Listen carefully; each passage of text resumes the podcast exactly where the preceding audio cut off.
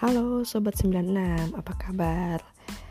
Ya insya Allah kamu di sana baik-baik aja sama seperti aku di sini yang udah baik-baik aja. Hmm, Malam ini aku tuh mau ngapain ya?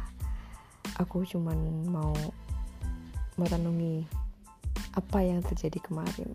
Nah jadi dari kejadian yang kemarin itu aku sempat merenung memikirkan dan mengambil kesimpulan kayak gitu geng. Kan kemarin aku bilang aku nggak bisa tidur kan. Nah bener aja. Ternyata setelah aku mendapat ilham untuk nelpon dan menjelaskan secara detail abis itu aku malamnya bisa tidur. Berapa malam tuh ya aku nggak bisa tidur dari mulai hari Rabu malam Kamis malam Jumat malam Sabtu malam Minggu empat malam. Malam Seninnya itu aku udah bisa tidur karena aku nelponnya hari Minggu malam Senin. Di situ aku berpikir kan aku selama ini udah usaha hmm, bisa jadi gimana kalau aku usaha sekali lagi? Bisa jadi kadang-kadang usaha kita itu butuh berkali-kali dan di usaha yang kesekian kita berhasil kayak gitu kan. Jadi aku berpikir untuk coba deh sekali lagi aku usahain aku pastiin deh. Ini tuh jawaban atau ujian kayak gitu. Jadi aku telepon lah dianya kan. Terus aku ceritain detail kronologinya kayak mana. Uh, dan ternyata dianya masih tetap nggak bisa ngelanjutin oh ya udah aku menerima dong keputusan dia karena itu kan hak dia dan aku nggak bisa memaksa. Tapi dari telepon itu aku jadi merasa yakin gitu loh oh ini memang jawaban gitu. Oh ini memang nggak bisa dilanjutin. Kenapa? Karena sebenarnya kan salahku itu ya ada tapi kan aku nggak salah sampai fatal. Menurut aku tuh aku nggak salah banget gitu loh. Uh, tapi karena mungkin memang dia tidak mentolerir yang namanya laki-laki lain jadi memang dia udah kecewa kayak gitu. Jadi oke okay, di situ aku merasa aku salah gitu karena nggak semua orang itu punya sikap yang sama kan kayak gitu ya. Selama ini tuh aku nggak pernah sih deket sama orang yang sensitif banget. Sebelumnya aku juga pernah uh, pacaran dengan orang yang udah nikah tuh juga pernah. Itu teman seletingan aku. Dia juga gagal nikah dan saat itu juga terjadi uh, ada dua orang gitu kan. Dua orang yang dekat sama aku tapi aku milih dia dan itu aku ceritain ke dia gitu kan. Nah dianya itu nggak nggak begitu marah gitu loh ya nggak masalah sih gitu. Toh realitanya sekarang sama dia kan kayak gitu. Nah aku pikir yang kemarin ini juga bisa kayak gitu karena aku sendiri kan semakin dekat sama orang semakin percaya sama orang aku tuh semakin terbuka. Jadi aku pikir dia nggak akan marah gitu. Tapi ternyata dia beda. Beda banget. Jadi dia nggak terima itu Nah, di situ aku berpikir lagi toh, lah aku tuh bisa memahami dia. Oke, aku salah kayak gitu kan. Tapi kan hmm, diperbaiki kan bisa, mungkin nggak bisa diperbaiki, tapi paling nggak bisa jadi pelajaran kita untuk tidak kita ulangin kan kayak gitu. Nah, tapi kenapa dia nggak bisa paham dengan aku balik kayak gitu loh? Aku kan juga manusia aku juga tidak luput dari kesalahan. Kenapa nggak bisa maafin? Kayak gitu. Aku juga kayak gitu kan terbuka. Berarti itulah aku.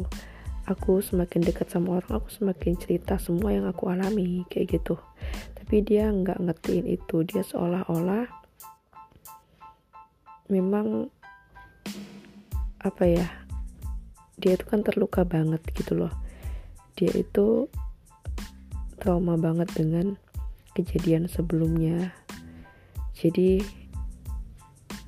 aku harus memahami itu gitu loh. Jadi wajar ketika dianya itu takut untuk terulang lagi gitu ya. Wajar. Kayak gitu. Ya udah jadi nggak masalah deh. Nggak sama dia gitu. Sebenarnya dia tuh orangnya kan baik banget beneran deh.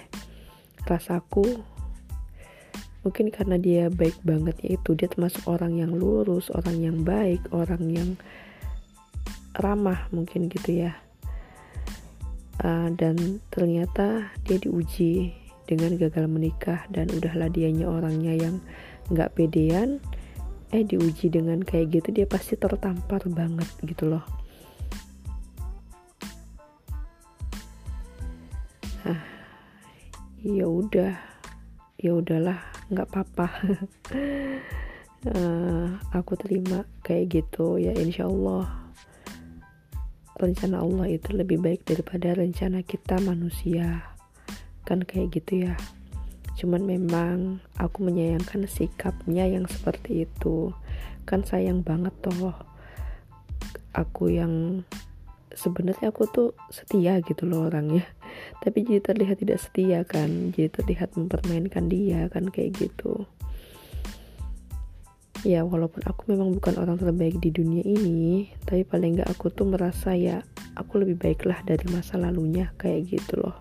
Jadi karena kesalahan kesalahan yang yang sebenarnya bisa dipahami lah gitu ya tapi ternyata itu merusak semuanya.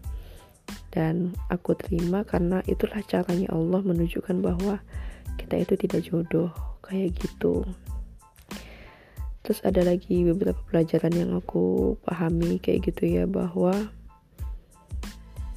uh, kan aku selama ini mungkin kalau deket sama orang tuh mikir orang tua kayak gitu ya kalau bisa kan yang di sini aja yang deket sama orang tua. Atau kadang aku juga ngelihat orang tua aku ini serak apa enggak kayak gitu. Jadi di sisi aku juga males pacaran karena mungkin aku males ngulang-ngulang terus kayak gitu kan. Maunya yang deal-deal aja jadi aku cuman ya udahlah cari yang orang tuaku seneng kayak gitu aja loh. Nah jadi kasusnya dia ini kan orang tuaku dia udah setuju orang tua dia udah setuju terus lingkungan juga udah setuju. Intinya tinggal aku dan dia aja sih gimana mencocokkan diri kayak gitu kan. Nah di situ aku mikir bahwa um, restu orang tua pun tidak akan mempermudah. Bukan berarti 100% ya tapi maksudnya walaupun kita direstui orang tua bukan berarti terus kita mudah jalannya nggak gitu juga gitu. Kita kan selama ini mikirnya uh, aku sih mikirnya ya kalau orang tua ngerestui kan lebih mudah kayak gitu ya. Tapi ya yang namanya nggak jodoh ya mau gimana pun tetap nggak akan jodoh gitu loh. Nggak nggak mudah gitu loh. Yang dianya malah mudah putus ini kali ini. Nah jadi maksud aku ketika kita jodoh nggak jodoh itu bukan karena orang tua bukan karena orang tua yang setuju atau nggak setuju serak atau nggak serak tapi Allah itu udah menentukan hasilnya. Allah itu udah menentukan siapa jodoh aku. Apa pun proses yang aku jalani ya hasilnya itu kayak gitu loh. Tapi paling nggak dengan usaha aku itu jadi lebih yakin bahwa oh ini bukan jodohku. Oh ini ini aku harus usahain lagi. Oh ini aku harus berhenti di sini. Oh ini harus aku lanjutin.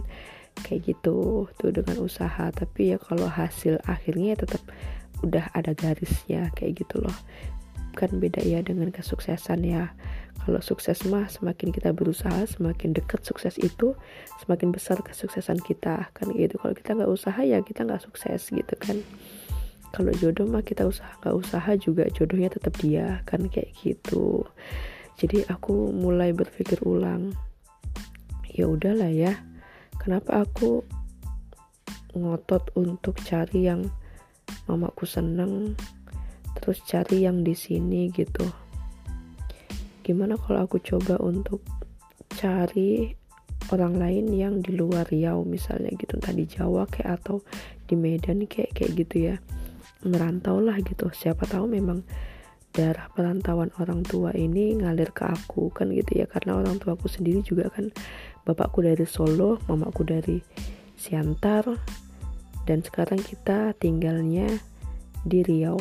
Nah kan udah beda gitu loh ngerantau semua kayak gitu.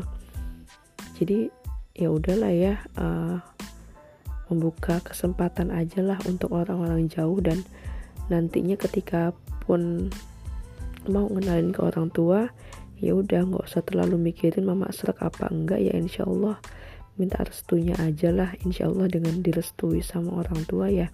Hidup kita itu lebih baik kayak gitu. Tapi apa pun yang terjadi ke depannya itu emang bukan karena orang tua itu tapi karena memang karena Allah yang sudah menentukan hidup kita seperti apa kayak gitu. Yang penting kita minta restu orang tua gitu guys.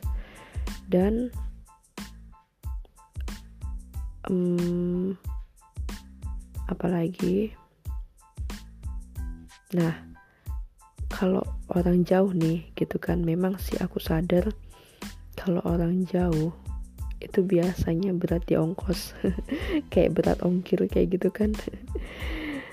Jadi aku sering banget dikenalin sama orang Jawa gitu sama temen aku tapi ya rata-rata mereka memang ngerasa berat aja gitu jauh banget. Ya pertama karena ongkosnya yang kedua karena kan nggak tahu ya budaya sini itu seperti apa. Nanti lamarannya gimana butuh uang berapa nggak kebayang kayak gitu loh.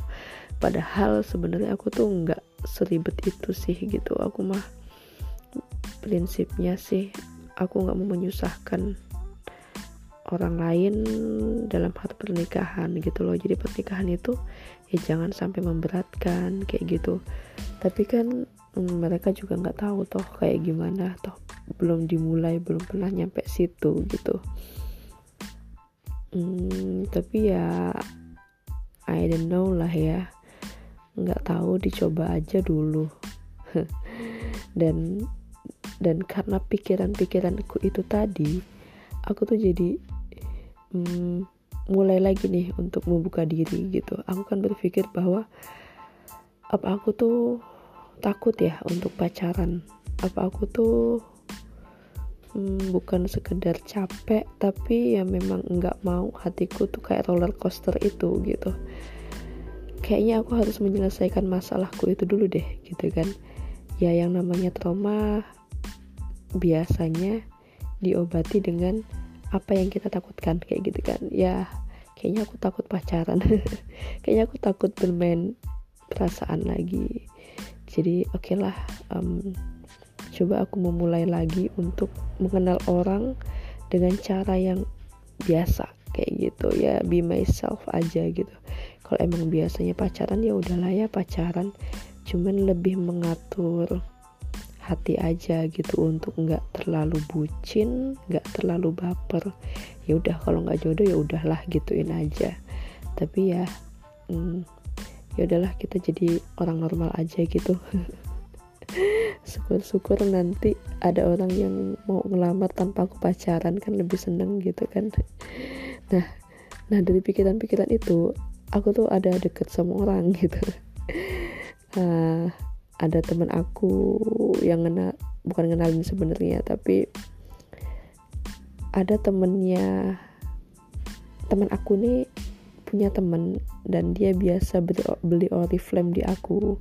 Ya udah tiga kali order sih gitu kan laki gitu. Tapi kan oriflame itu kan juga produknya bisa untuk laki juga ya kayak gitu. Nah aku pikir dia yang mau dikenalin ke aku ternyata bukan ternyata orang lain nah tapi karena kadang-kadang si laki itu suka ngasih kode-kode kayak gitu kan uh, jadi aku pikir apa aku coba ya sama dia? Kayak gitu. Jadi aku bilang sama dia untuk aku maunya yang serius aku bilang kayak gitu. Terus dia bilang carilah yang serius katanya kayak gitu toh. Ya udah besoknya aku mulai mikir-mikir-mikir oke lah aku cari yang serius aku mulai dari dia kayak gitu.